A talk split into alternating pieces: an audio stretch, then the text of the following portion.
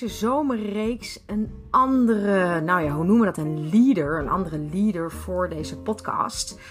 Omdat ik namelijk een tijdje terug geïnterviewd ben door Somaya Mol, die een boek aan het schrijven is. En dat boek heet Playful Leadership in het kader van haar Playful Business Leaders programma.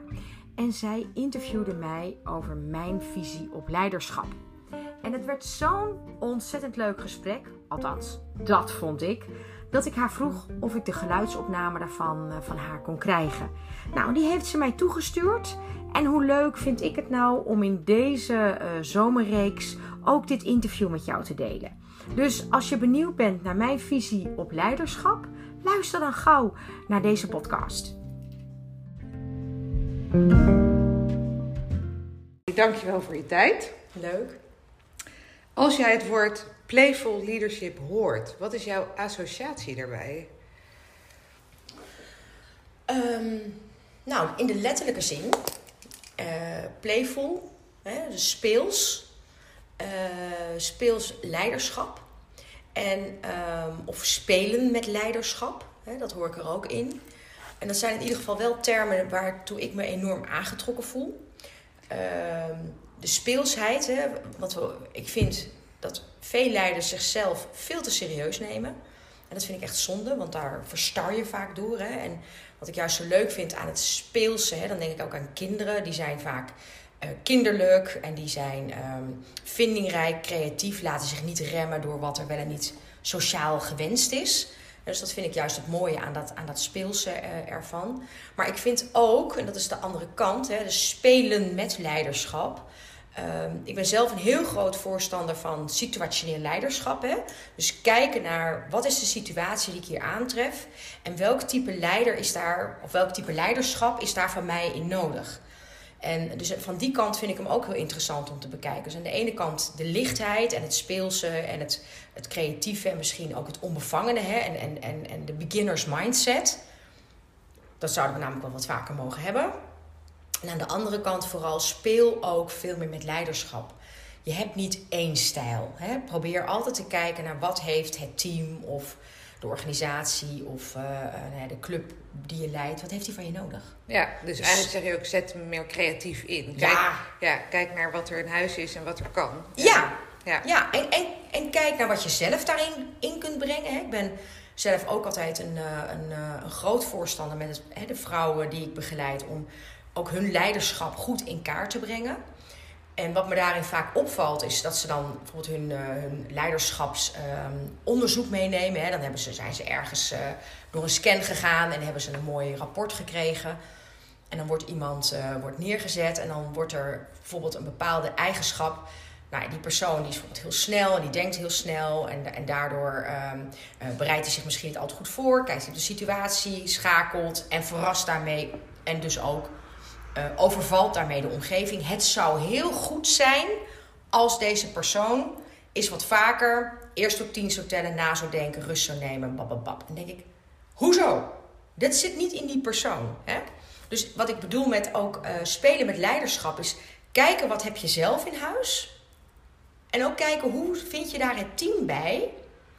Um, die bijvoorbeeld bepaalde aspecten die jij in je leiderschap niet hebt, je daar heel erg mooi op kunnen aanvullen. Ja hè, challengen of aanvullen. Hè? Dus dat, kan allebei.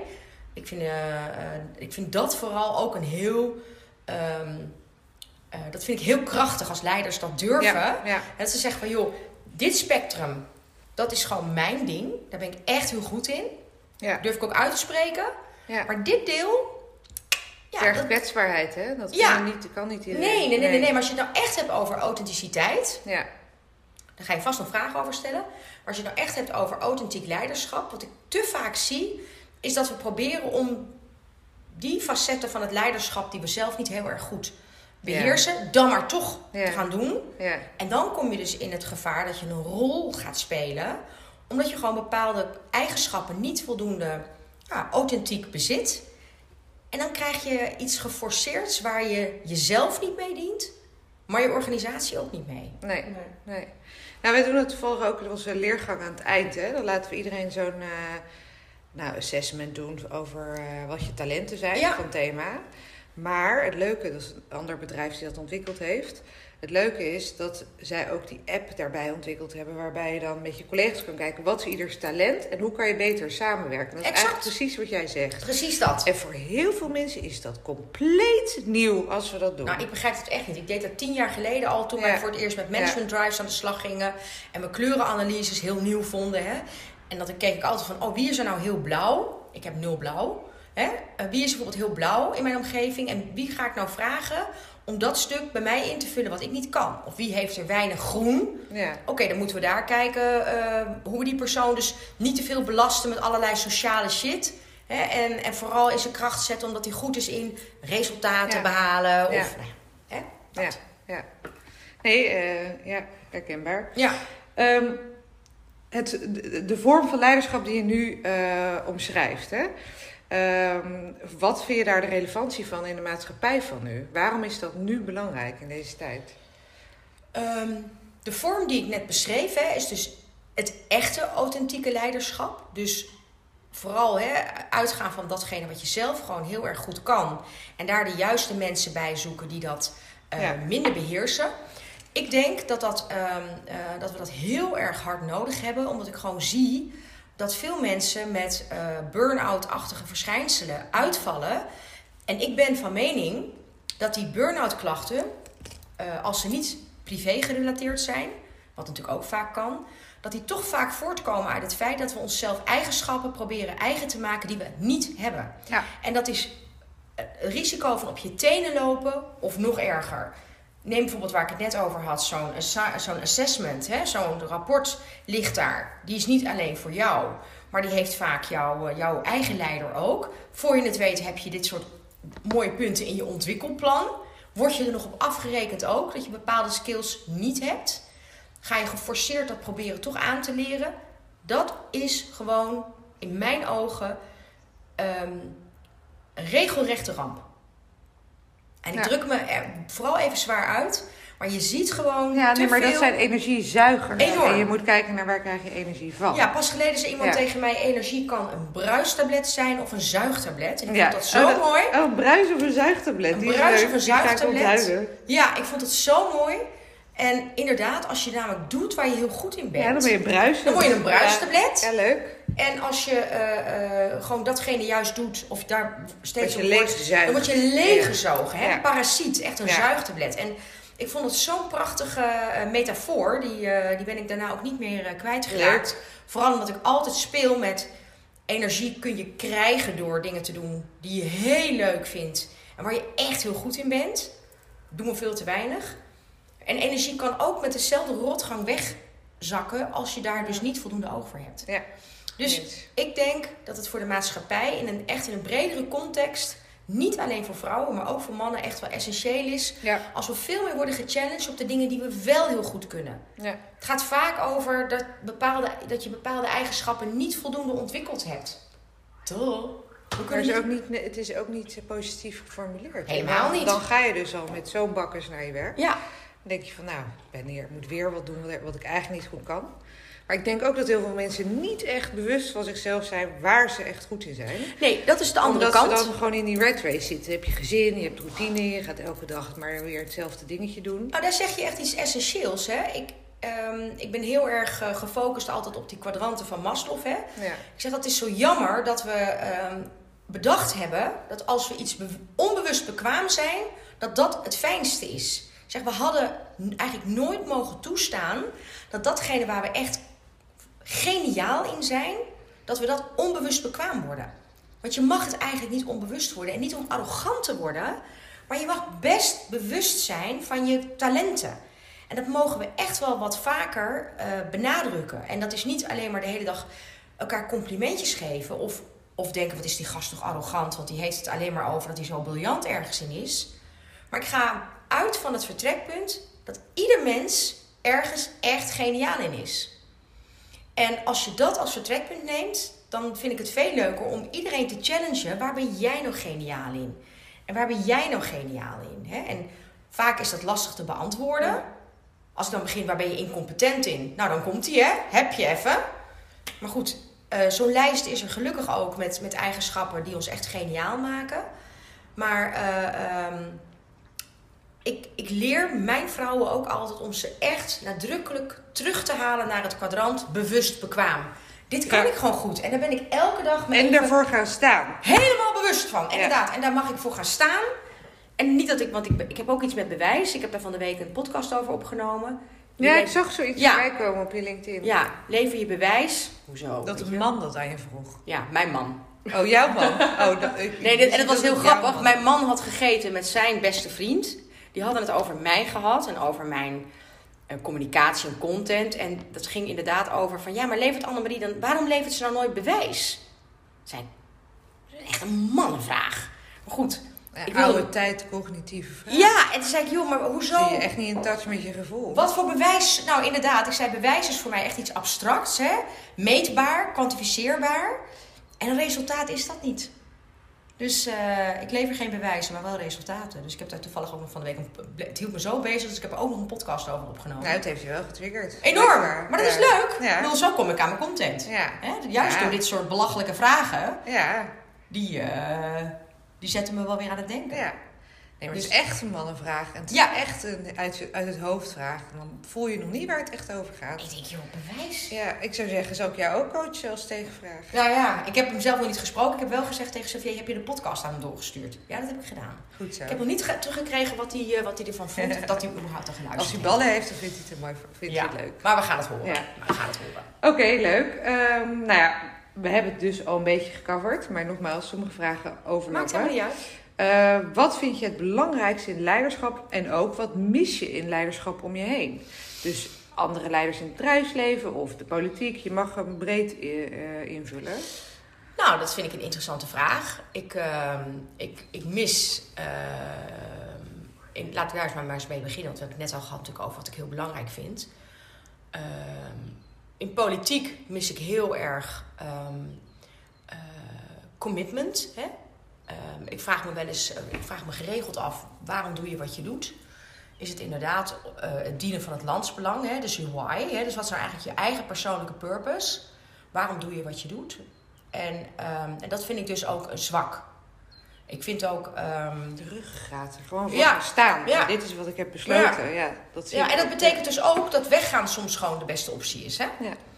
En niet, niet dan zeggen: ik weet niet wat het alternatief is als ik nu wegga. Dat vind ik echt kiezen uit twee kwaden. Dat lost zich vanzelf. Ev- Every problem has its solution. En eh, ehm, ik, vind, ehm, ik vind daar dus wel wat van.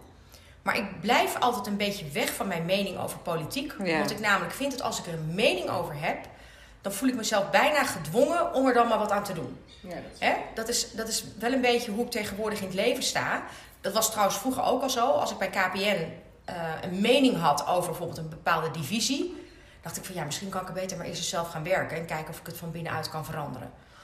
Dus je kan altijd wel lopen schieten en zeiken over dingen, maar ik ben ook geen, ik kijk erop. Net zoals een relatie, ik kijk er alleen maar op, ik kijk er niet in. Dus ik kan niet als een insider daar een goed beeld van geven. Dus ik zie natuurlijk alleen maar ehm, wat mij vanuit media Ja, eh, getoond wordt. En daar baseer ik mijn mening op. En ik kan me best voorstellen dat daar veel meer kleur en dimensies eh, eh, in zijn. Dus hè, ik blijf weg van, eh, normaal echt weg van mening. eh. maar wat ik wel belangrijk vind is, eh, ik hou heel erg van eh, commitment. Ik hou van eh, consistent.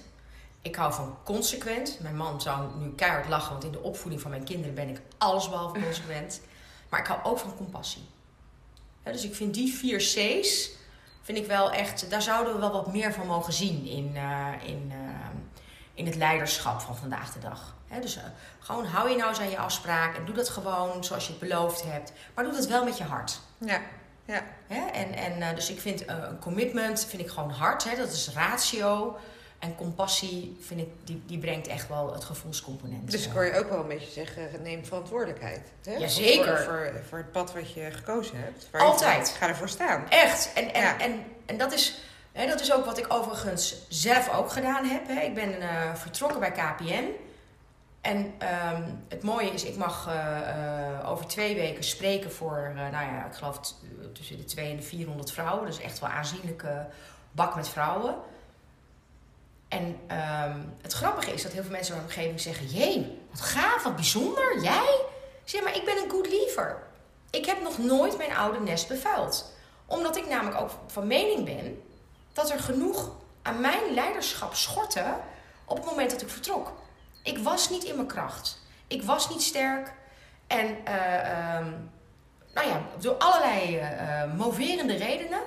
Maar ik vind het te makkelijk om daar de organisatie of het team de schuld van te geven. Ik, functie, ik vond. Plus, het is niet chic, je hebt er zelf jaren gewerkt. 25 jaar fantastisch gehad. Ja, dus dan dus je ook jezelf. Nee, daarom. Ik heb, het, ik heb het fantastisch gehad, weet je wel. Dus echt een super gave tijd. En dat ik daar uiteindelijk. Ik, ik zeg ook altijd: ik paste er niet meer.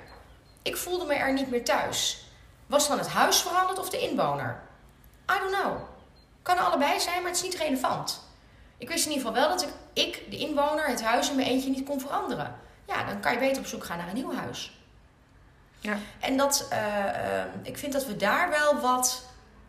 Um, daar zouden wat meer mensen een voorbeeld in mogen nemen. Het is hetzelfde met wat ik mijn vrouwen ook altijd leer. Je eigen regelruimte is zo groot. Ga nou niet zitten zeiken over een glazen plafond als je je voorlopig nog steeds voor 32 of 36 uur laat betalen. Vrijwillig. En je minimaal 40 uur per week werkt, maar je dat zogenaamd zo lekker vrijheid noemt. Ik zeg, ik begrijp die vrijheid niet. Dus kom bij mij niet aan met allerlei dingen die, die, uh, die niet, voor je, niet voor je werken. Ga eerst kijken wat je zelf allemaal kunt aanpakken.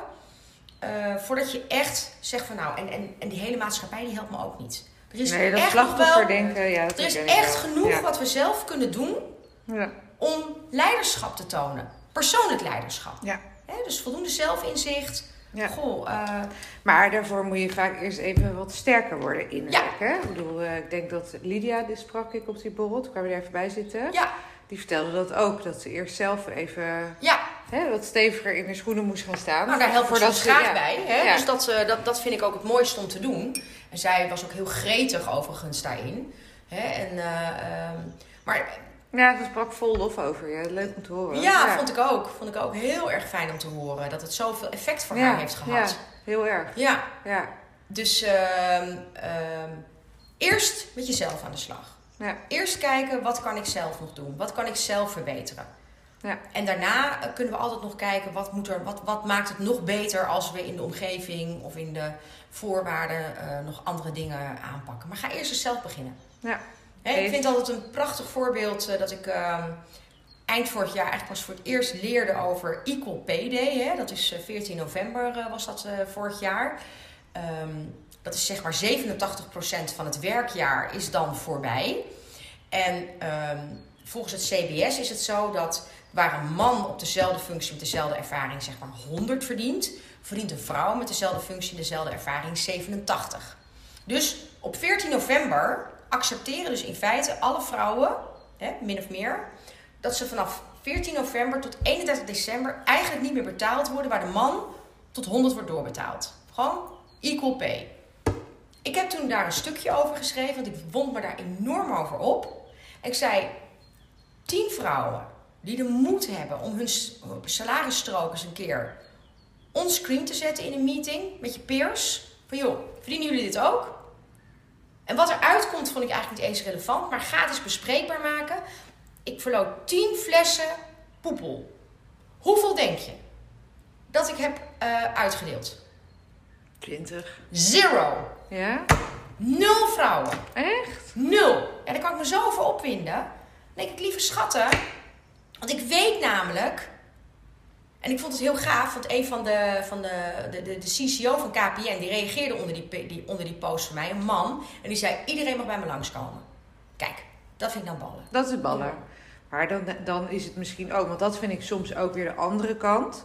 Zeker na die zeven vinkjes uh, je, ze hebben, mannen hebben ook vrouwen zoals jij en ik nodig die dingen Bespreekbaar, bespreekbaar maken Tuurlijk. en benoemen. Want soms is het ook niet expres gedaan. Helemaal hè? Het niet. is gewoon een systeem. Joh, Hè, ik bedoel, mijn vader die zei tot een paar jaar geleden, mijn vader is bijna 70, zei hij ook het woord neger. Nou, dat kan echt niet. Maar dat is gewoon een woord wat hij jarenlang heeft gezegd. ja, tuurlijk. Ik En begrijp het helemaal. je kinderen gewoon... Kan niet meer, pa, kan niet meer. Nu En dan kijken stoppen. heel graag aan. En dan denkt hij eerst... Maar, je moet ook maar bewust gemaakt worden. Maar dat is het, hè? En, en, en, ehm, maar ik heb het zo opmerkelijk gevonden. En ik heb die post nog een paar keer herhaald, hè? Die oproep nog een paar keer herhaald. Niemand heeft ooit een fles bij me opgehaald. Nee, waarom niet? Ze durven niet. Ze durven het niet. Waarom niet? Nou ja, ik denk toch dat vrouwen zich er misschien ook stiekem een beetje voor generen. Ja, dat denk ik ook.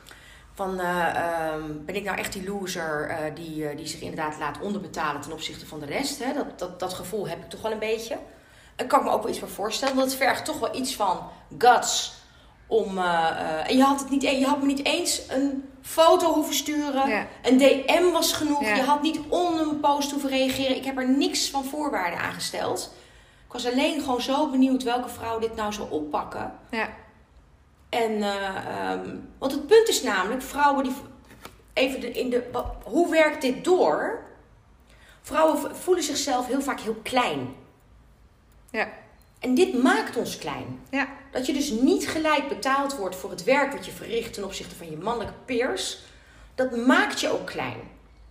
Maar dat is ook omdat die, die sociale wenselijkheid en het construct dat we hebben. Want hè, dat, eh, toen, toen ik je zag in, eh, in Driebergen, zei, hadden we daar ook gesprek over. Je bent al gauw pittig. Ja. Of je bent eh, dominant. Oh ja. Dat is ook zo'n dooddoener. Nou, Ja. Ik word daar heel vervelend van. Ik ook. dat tegen me zegt. Nee, maar waar slaat dat op? Het is Omdat je gewoon, mening er zijn hebt. onderzoeken geweest dat mannen standaard zichzelf overcellen bij een Ja. sollicitatiegesprek. Ja. Gewoon twee keer zo hoog loon zeggen dat ze verdienden. Ze lullen gewoon uit hun nek, op z'n Rotterdams gezegd. Ja. En vrouwen die onderverkopen zichzelf. Maar waarom? Dat is sociaal wenselijk gedrag, denken we. Maar waarom? Waarom? Nou ja, ik had het vanmorgen. 2023. Ik had het vanmorgen nog over die SER-lijst, hè? Die, die, die van de SER sociale... topvrouwen. Ja, die SER-topvrouwenlijst. Ehm, ik ben eh, dus ook niet eens met de definitie die de SER hanteert... wat zij een topvrouw vinden. Dat komt namelijk al bij mij uit het gedachtegoed van het feit... dat er zijn drie harde criteria. En dan trek ik even de analogie naar waar jij het net over had. Een man die zichzelf overstelt op een functie.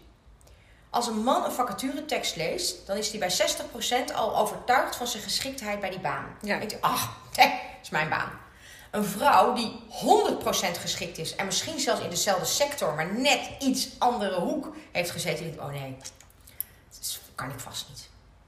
Dus als je dus van die, die gedachte die we allemaal herkennen, die gewoon onderzocht is, dus als SER drie zulke harde eisen stelt, dan weet je dus gewoon dat ongelooflijk veel echte topvrouwen zich niet inschrijven.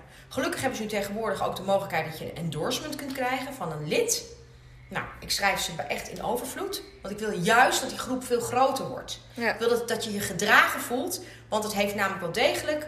ehm, op een of andere manier eh, werkt het zo dat als je bij die groep hoort, is toch een soort van goedgekeurd door de Na- Nationale Vereniging van Huisvrouwen. Ja, nee, het is een soort keurmerk. Het is een keurmerk. Het is een keurmerk. Nou, prima. Nee, ze hebben een hele hoge omzeteis. Dat je leiding moet hebben gegeven bij een bedrijf van x aantal eh, omzet. En toen dacht ik, wat is dat uit de tijd? Nou ja, dat is het dus. Het, het, het, gaat. eh, volgens mij moet je ook eh, bestuurlijke ervaring hebben, commissariaat, weet ik. Nou, het, Ja. het zijn in ieder geval eisen waarvan ik denk, ja, weet je, welke vrouwen hebben dit nou echt allemaal op een bepaalde leeftijd? Want dan betekent dus dat je altijd 50-plussers Ik wou net aantrekt. zeggen, hoe inclusief ben je? Juist. Ja. hè? En ik vind juist dat die lijst. Nou, schrijf maar een endorsement voor mij. Oh, graag. Nee, maar serieus. Nee, dat vind ik leuk. Nee, maar serieus, hè? Ik vind het dus echt. eh, dus daarom dat ik ook eh, de definitie voor het woord topvrouwen heel erg heb opgerekt. Ja, Omdat ik eigenlijk een, een, een oproep wil doen dat we eigenlijk in de basis allemaal onze topvrouwen opzoeken. zeker. Ja. Het is wel degelijk nodig. ja. Ja. Nou ja, wat voor leider ben je zelf?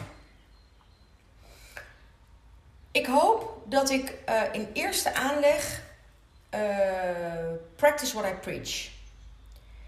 En, ehm, maar ik hoop bovenal dat ik een, een inspirerend en verbindend en motiverend leider mag zijn. Want ik vind dat echt wel drie woorden eh, die, die ik ook echt wel in de afgelopen jaren ook wel heb geprobeerd te laden. Hè?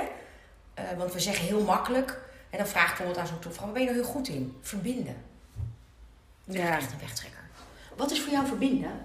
Nou, dan krijg je een een of ander verhaal. denk ik, nou, laat maar even staan. We, gaan, we komen vast wel bij echte eigenschappen. We noemen tegenwoordig allemaal onszelf een verbinder. Weet je, verbinden gaat voor mij echt over ehm, de energie die ontstaat doordat je bij elkaar bent. En dat kan ook online zijn. Omdat je elkaar echt iets te brengen hebt. Hè? En zonder dat daar een transactie onder ligt. Ja. En dus ik vind het juist het, het onbaatzuchtige van verbinden. Ja. Ehm, als ik iets voor jou kan doen, dan doe ik dat heel graag omdat ik me met jou verbonden voel. En ik dus Ja. jou heel graag hè, een, een, een, een endorsement voor je schrijven. Dat doe ik dus echt heel graag omdat ik me met je verbonden voel. Nee, maar voel- daar is dan wat aan voorgegaan. Juist. Je hebt gewoon al. En dat zet jij trouwens. Dat is wat leuk is aan jouw borrels. En ik heb met meerdere dames erover gehad waarom ze naar de borrel komen. Even side note. We, we filteren dit er wel weer uit. Waarom ze, naar de, waar- waarom ze naar de borrel komen. En iedereen zegt dat de sfeer zo fijn is. En zo uniek vergeleken met de andere dat, hoor borrels. ik, dat hoor ik dus overal, ja. en vanuit die fijne sfeer kan Ja. altijd nog wel een keer wat Maar dat ontstaan.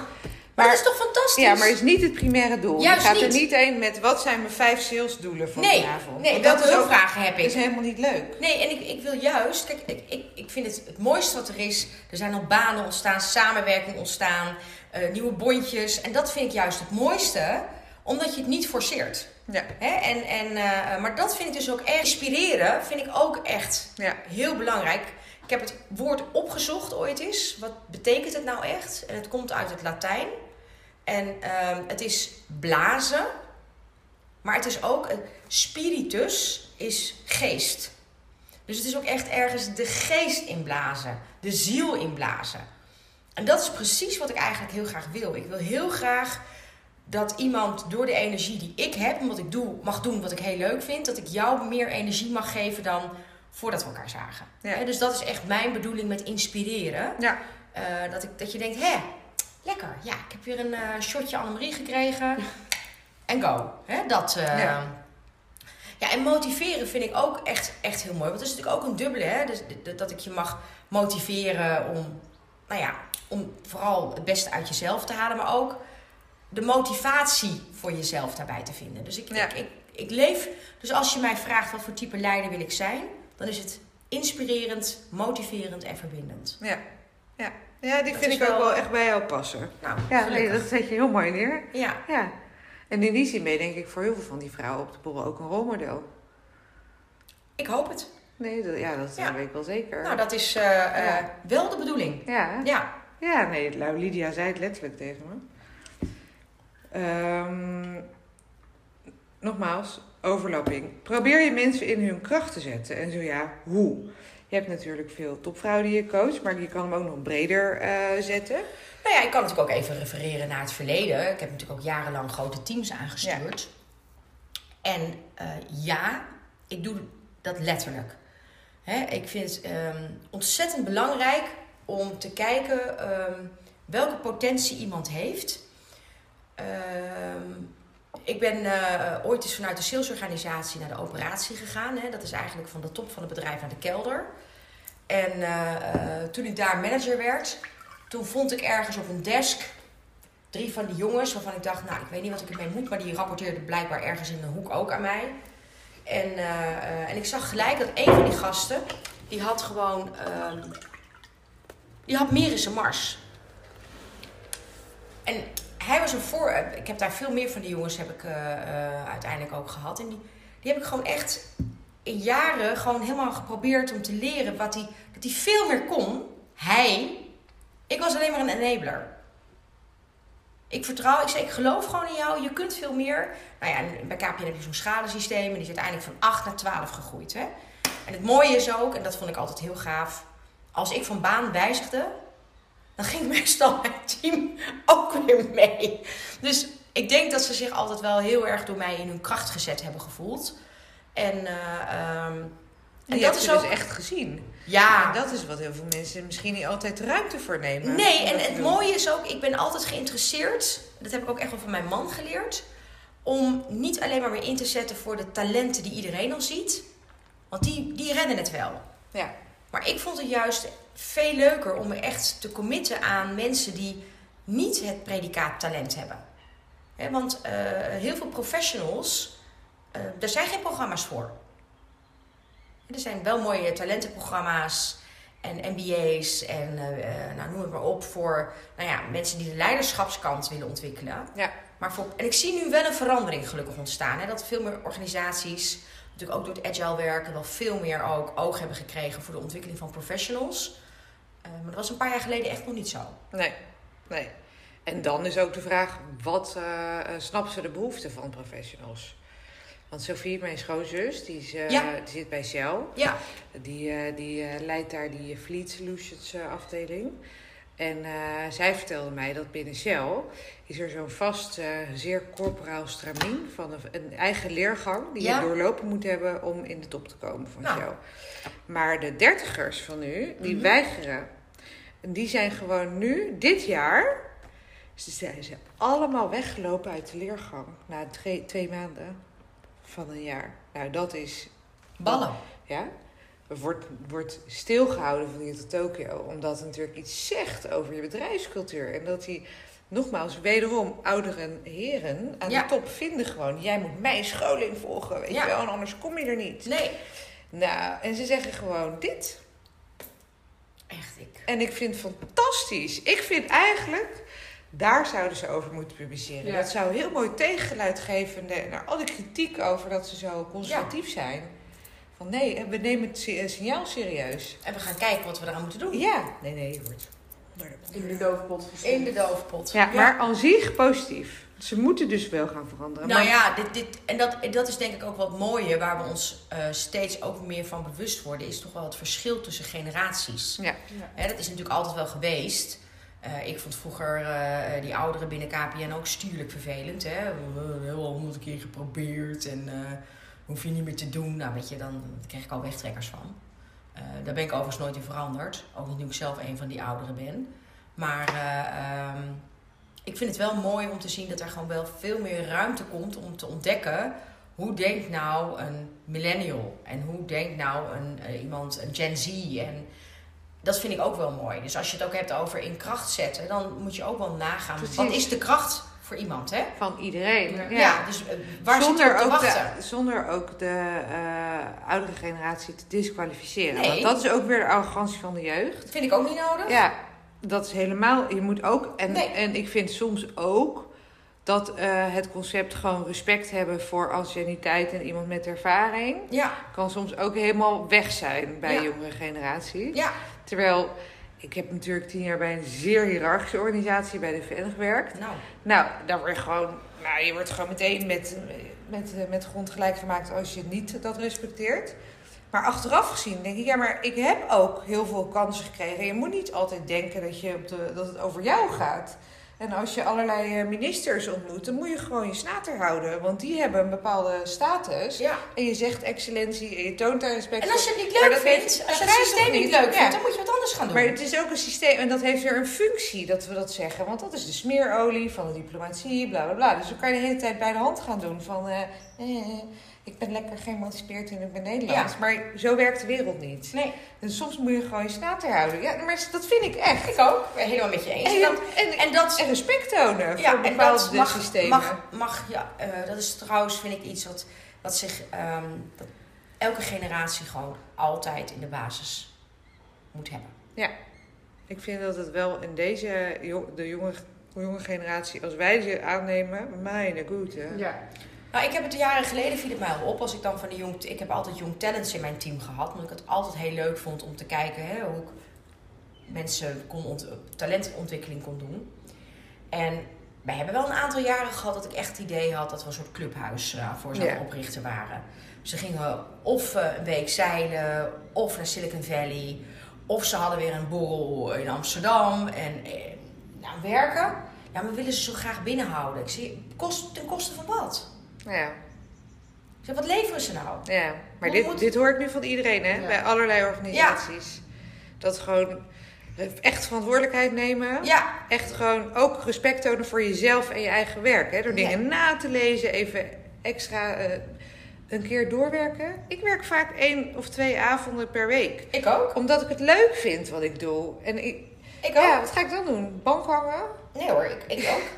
Ik pak maar nee, gewoon gewoon ergens- laptopje. Ik heb, Ergens voor ik heb altijd wel mijn tasje ergens in de buurt. Ja, Klap ik hem toch maar weer even maar open. dat, dus het meteen vanaf je 22e work-life balance hebben en drie dagen per week werken. Denk ik, ja, nou ja. Nou ja, en een vertekend beeld hebben van work-life balance en eigenlijk überhaupt niet meer willen werken. ja. En ook het minste geringste dan. Maar wel godsvermogen willen verdienen. Ja. Ja, en je relatie moet leuk zijn. En dit moet nou, leuk alles zijn. moet leuk alles, zijn alles ook, moet leuk. En niet alles is Ja, leuk. terwijl relaties helemaal niet altijd leuk zijn. Het werk ook niet. Nee, Nee. het hoort erbij. Ja. Ehm, nou ja, ben je zelf actief bij een maatschappelijk initiatief? Oh, sorry, die eh, zou jij Dat stellen. maakt niet uit. Ja. Oh. Nee, maar, vertel maar. Of je zelf actief bent bij een maatschappelijk initiatief via werk of eh, privé, dat je ergens bij bent aangesloten of iets doet. Ik ben, eh, ehm, ik ben daar ook eh, heel bewust naar op zoek gegaan. Toen ik ondernemer werd, was dat namelijk een stuk wat ik echt miste, eh, wat mij zingeving eh, brengt. Ik kon daar alleen in die tijd nog niet de woorden aan geven. Ehm, hè, ik heb 25 jaar bij een corporate gewerkt en daar was ik altijd ook betrokken in het maatschappelijk verantwoord ondernemerprogramma. Dat noemden wij het mooiste contactfonds. Dus ik heb eh, alle kansen daarin altijd benut die ik kon pakken om met bejaarden naar het bejaardenhuis of naar eh, het Rijksmuseum te gaan, eh kerstdiners te organiseren voor eh, eh, de, de, de, de, de, eh, mensen die eigenlijk een beetje in de armoede eh, zitten, eh, van die ehm eh, videoconferencing setjes installeren bij ernstig zieke kinderen thuis, dat ze klassencontact hebben. Dus ik heb altijd eh, eh, die maatschappelijke kant dingen. heel erg opgezocht. Dus toen ik stopte, toen voelde ik daar echt een leegte in. eh, alleen ik kon dat niet heel goed duiden. En ehm, nou, ik vertelde natuurlijk net over mijn reis naar de Rabobank. En ehm, toen ik daar eigenlijk mee startte, had ik zoiets van. Toen vroegen ze aan mij wat voor thema eh, zou. Want de Rabobank heeft vier eh, kernthema's: Ehm, duurzaam ondernemen, duurzaam wonen, energietransitie en financieel gezonde leven. En ik heb gelijk gezegd: ik wil die laatste. Want daar vind ik namelijk dat ik het meeste impact kan maken, eh, echt richting de maatschappij. En natuurlijk, die andere thema's zijn ook zeer waardevol en heel cruciaal. Maar ik vind het echt heel fijn om te kunnen bedenken wat ik in mijn regio kan betekenen ehm, in relatie tot armoedebestrijding. En wat ik bijvoorbeeld mooi vind vanuit de Rabobank, ik vertelde het al, ze hebben een winstoogmerk, maar het is een coöperatie. Dus elk jaar gaat er letterlijk een x-percentage van de winst gaat terug naar de lokale bank, naar de leden. Want die zijn namelijk de ogen en oren van de regio. Dus er wordt altijd gezegd, eh, de banken verdwijnen helemaal uit het straatbeeld. Dat ben ik niet helemaal met iedereen eens. Want de Rabobank heeft niet voor niets vaak 30, 40 leden rondlopen. Dit zijn de ambassadeurs van de bank in een, in een dorp. Dus ik vond het erg mooi om te zien dat ik ehm, serieus, met serieus geld iets kon doen. In het kader van in mijn geval eh, financieel gezond leven. Vooral omdat ik hoorde dat uit de big data van de Rabobank wel bleek. Dat als, en dat was van de winter toen we met die enorme energie eh, shit zaten. Dat als, ehm, ik geloof bij 25% van de huishoudens de financiële lasten met 1 euro zouden verhogen. Die allemaal onder water zouden komen te staan. Nou, daar moet je niet over nadenken hè. En ehm, nou, dus ik ben daar eigenlijk mee gestart. Ik vond het heel. Ik deed het eigenlijk omdat mijn eigen kinderen. eh, eh, die probeer ik heel erg financieel aware te maken. Dat je moet leren hoe je, hoe je geld moet verdienen. Dat je geld moet verdienen. Wat je moet doen voordat je de eerste euro binnen hebt. Hè. Nou, dus ik ben daar heel erg altijd met mijn eigen kinderen mee bezig. Ehm, dus vanuit die waarde ben ik, heb ik daar een nadrukkelijke rol in, eh, in gepakt. Nou, en dan ben ik wel zo'n type. Ik kan mijn tijd maar één keer uitgeven. Dus ik pak altijd graag wel de rol waarin ik het meest van impact ben.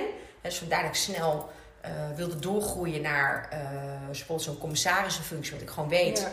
daar kan ik het snelst het meeste impact eh, leveren. En dat vind ik gewoon fijn. Want dat, dat geeft mij gewoon een goed gevoel. Dat is de ene kant. En de andere kant is, ehm, toen ik met die topvrouwen ging werken, merkte ik wel, ik moet ze veel jonger al kunnen aanraken. En eh, van daaruit eh, ehm, ben ik dus eh, in de raden van advies van Right Brains gegaan en de Young Lady Business Academy. En begeleid ik dus ook, lo- los van het feit dat ik beide organisaties mag adviseren, wat ik heel leuk vind. maar begeleid ik ook actief een aantal jonge meiden in hun loopbaan. Of in hun looppad, in hun pad eigenlijk, wat ze mogen bewandelen. En daar haal ik echt zingeving uit. Ja, dat begrijp ik. Maar mooi dat je dat vanuit werk ook zo grootschalig meteen kan doen. Ja, en ik zeg altijd, ik heb nu een bedrijf neergezet waarbij ik in principe 75% van mijn tijd werk. En 25% van mijn tijd reserveer ik voor dit. Dus ook zo'n dag als vandaag. Nou, ik rij zometeen dus naar eh, Rotterdam. En daar ben ik gewoon tot een deel van de avond. En dat vind ik echt fantastisch. Het geeft ook Ja. weer energie. Heel veel energie. Ja. En je kan inderdaad weer mensen in hun kracht zetten Ja. en eh, daar ook weer eh, Ja. de voldoening uithalen. Ja. Ehm, bij eh, onze leergang Playful Business Leaders werken we natuurlijk met een mentorschap, een mentorprogramma, Mhm. naast de leiderschap. Denk je dat het mentor zijn van een kind met minder kansen ook kan bijdragen aan je eigen ontwikkeling? En zo ja, hoe? Ehm, en dus ook je professionele ontwikkeling. Absoluut. Ik denk dat ik het al een paar keer heb aangeraakt. Hè. Ik vind het vooral heel Ja. interessant natuurlijk om- te kijken hoe andere generaties erin zitten en wat je van elkaar kunt leren. Ja. Dus dat vind ik overigens ook wel het mooie van een mentorrol. Ik leer van hen en daardoor leren zij weer van mij. Gelijkwaardigheid is Ja, heel belangrijk. En die vind ik echt, eh, eh, vind ik echt heel erg mooi om te zien. Ehm, het grappige is dat ik vroeger waarschijnlijk me enorm geïntimideerd had gevoeld door de vrouwen die ik nu begeleid. Terwijl ik er zelf ook een was. Dat is echt heel grappig. Ik, ik moest de rol van me afschudden om me niet meer geïntimideerd te voelen door mijn eigen soort. Hoe gek is dat, hè? En, eh, eh, en nu zie ik pas hoe ongelooflijk ik veel kan brengen. En, eh, en zij mij weer brengen. En hoe dat er eigenlijk voor zorgt dat je elkaar steeds een stapje omhoog kunt trekken. En dat met jonge meiden exact zo. Dus ik leer heel veel van hoe zij denken. Eh, ik vind het eh, leuk om de dingen die ik weer zie, weer aan ze te kunnen meegeven. Te kijken hoe zij dat dan weer implementeren. Vaak heel anders dan dat ik dat zou doen. Maar voor mij ook weer heel erg leerzaam. Dus eh, ik vind juist de manier dat je elkaar steeds iets leert. En daarmee elkaar eigenlijk steeds een, een, omhoog kunt trekken. ja, een soort wisselwerking, Vind- uitwisseling. Vind ik zo mooi. Ja. En, en dat element van gelijkwaardigheid Ja. vind ik ook Ja. mooi dat je dat zo benoemt. Ja, Ja, dat eh, streven wij ook naar. Ja. Want je, ja, je spiegelt aan elkaar. ja. Ja, ja zeker. Ehm, ja, je bent zelf eh, natuurlijk ook een leider en ook eh, jarenlang geweest bij KPN. Maar zijn er leiderschapsthema's die jij nog zou willen leren, waar je nog beter in zou willen worden of wat je nog eigen zou willen maken? Oh, dat is een hele interessante vraag. Ehm, Dat zegt iedereen. ja, iedereen is altijd oh, kijk. En daarna even heel hard nadenken. Nou, Ja. weet je, ik vind het, ik vind het eh, echt een hele mooie vraag. Maar ik denk dat die helemaal teruggaat naar het begin van de, van de tafel. Het begin van ons gesprek. Ik denk het namelijk niet. En dat wil ik ook uitleggen. Ik denk namelijk dat we goed zijn zoals we zijn. En ik zou eigenlijk veel meer daarvoor willen gaan pleiten. Dan dat we onszelf allemaal nieuwe dingen aanleren die eigenlijk niet helemaal bij ons passen. Want dat gaat ten koste van authenticiteit. Dus ik zou bijna willen antwoorden nee. Ik antwoord Mooi. nee. Ja. Ik hoef niets te leren. Behalve de leercurve waar ik het net over had. Hè? Vanuit die gelijkwaardigheid tussen mentor en mentee. Ehm, daar leer ik gigantisch veel van. Waardoor ik elke dag een betere leider mag zijn. En zij mij weer leren leiden. En nou ja, en zo on. Maar echt in mijn leiderschap heb ik er geen behoefte meer aan. Ik heb liever, dit is, het, dit is wie ik ben. Take it or leave it. Ik zeg wel eens, je hoeft niet naar me, te, hè, naar me te luisteren. Als ik dan hoor, goh, je komt ook wel elke dag op LinkedIn voorbij. Je hoeft het niet te lezen. Ja, ons... Swipe to the left, Ja. hè. Je hoeft mijn podcast niet te beluisteren. Zijn er mensen die dat zeggen? Nou, ik hoor, ik hoor natuurlijk in het dorp. Oh, je bent wel heel erg zichtbaar. Ja, klopt. Maar je, Dan Je mag het lezen. Niet? Ja. En dan ondertussen weet ik dat ze alles lezen. Want dat zie ik natuurlijk aan de aantallen eh, waarop mijn stukjes gelezen worden. Ehm, En dat vind ik alleen maar heel erg grappig. En ik hoor natuurlijk ook wel veel terug. Ja, maar dat had jij toch ook ergens daar geschreven? En ik, oh ja, zie je wel. En het is, ehm, het is voor mij oké. Ik weet ondertussen, en dat vond ik, vond ik leer, dat was voor mij echt wel een leerproces. Je hebt niet alleen maar fans. Nee. Nee, En het, maar dat maar mensen heb je dan natuurlijk projecteren, wel, hè? ja, mensen projecteren ook op, op jou wat, wat, eh, wat hun eigen thema's- tekortkomingen, Ja, hun wat eigen hun- thema's. Hun eigen onzekerheid. En dan eh, jij eh, laat dus heel duidelijk zien waar zij nog niet zo goed in zijn. Nee, maar Ja. ik vond het, eh, in het begin hoop je natuurlijk alleen maar op fans. En dat is niet zo. Hè, Nee, soms, maar eh, ik denk ook dan altijd, ja, ik vind ook niet iedereen aardig of iedereen leuk. Dus ook niet iedereen vindt mij aardig en leuk. Zo werkt het. Dan Ja, maar dat, dat, dat zegt mijn ratio. Maar mijn gevoel vindt daar wel iets anders van. Ja, dat kan me Ja. Want ik, ik bedoel het namelijk zo goed en ik heb zulke goede intenties en ik ben zo lief en ik, probeer het allemaal zo eh, vanuit de juiste eh, intenties, want dat is voor mij ook wel echt een belangrijke eh, iets te doen. Ja, En eh, als ik daar dan eh, niet op erkend word, dan doet dat echt wel wat met me. Ja. Dus ik zal niet ontkennen dat ik, dat ik daar helemaal eh, makkelijk aan voorbij ga. Is niet zo. En trouwens, ik geloof niemand. nee, ja, als je iets met passie en met veel eh, gevoel doet, dan doet het altijd wat met je, denk ik. Ja.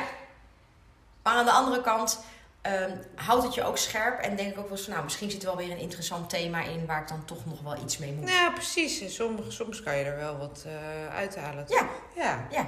Nou, dat doe jij ook wel in je posts. Ja, ja, ja, de hele dag door. Ja. Ja. ik probeer altijd wel weer ergens Ja. een een of andere les uit te halen. En dan denk ik van, joh, als het voor mij waardevol is, is dat voor jou misschien wel net zo waardevol. Dus daarom deel ik het. ja. Nou, mooi. Dus wel. Dankjewel. Dat waren de vragen.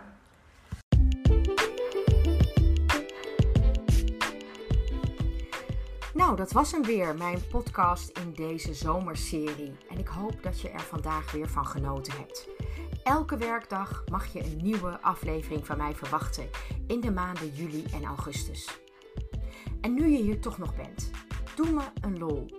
En zou jij mijn podcast willen voorzien van een review? Dat kan door eh, in de app, in de Spotify of Apple Podcast app, eh, deze te voorzien van een aantal sterren. Ja, en ik hoop natuurlijk gewoon op het maximale aantal, maar dat eh, spreekt voor zich. Maar wil je het voor mij doen? Want daarmee geef je mij namelijk nog meer eh, power om al deze afleveringen voor jou te maken. Want daar doe ik het namelijk voor. Om jou te inspireren. Nou, mocht je nog meer van mij willen weten, kijk dan even op mijn website www.annemarievandetillaar.com of stuur me even een DM'tje op LinkedIn of ehm, Instagram. Ik wens je nog een hele fijne dag.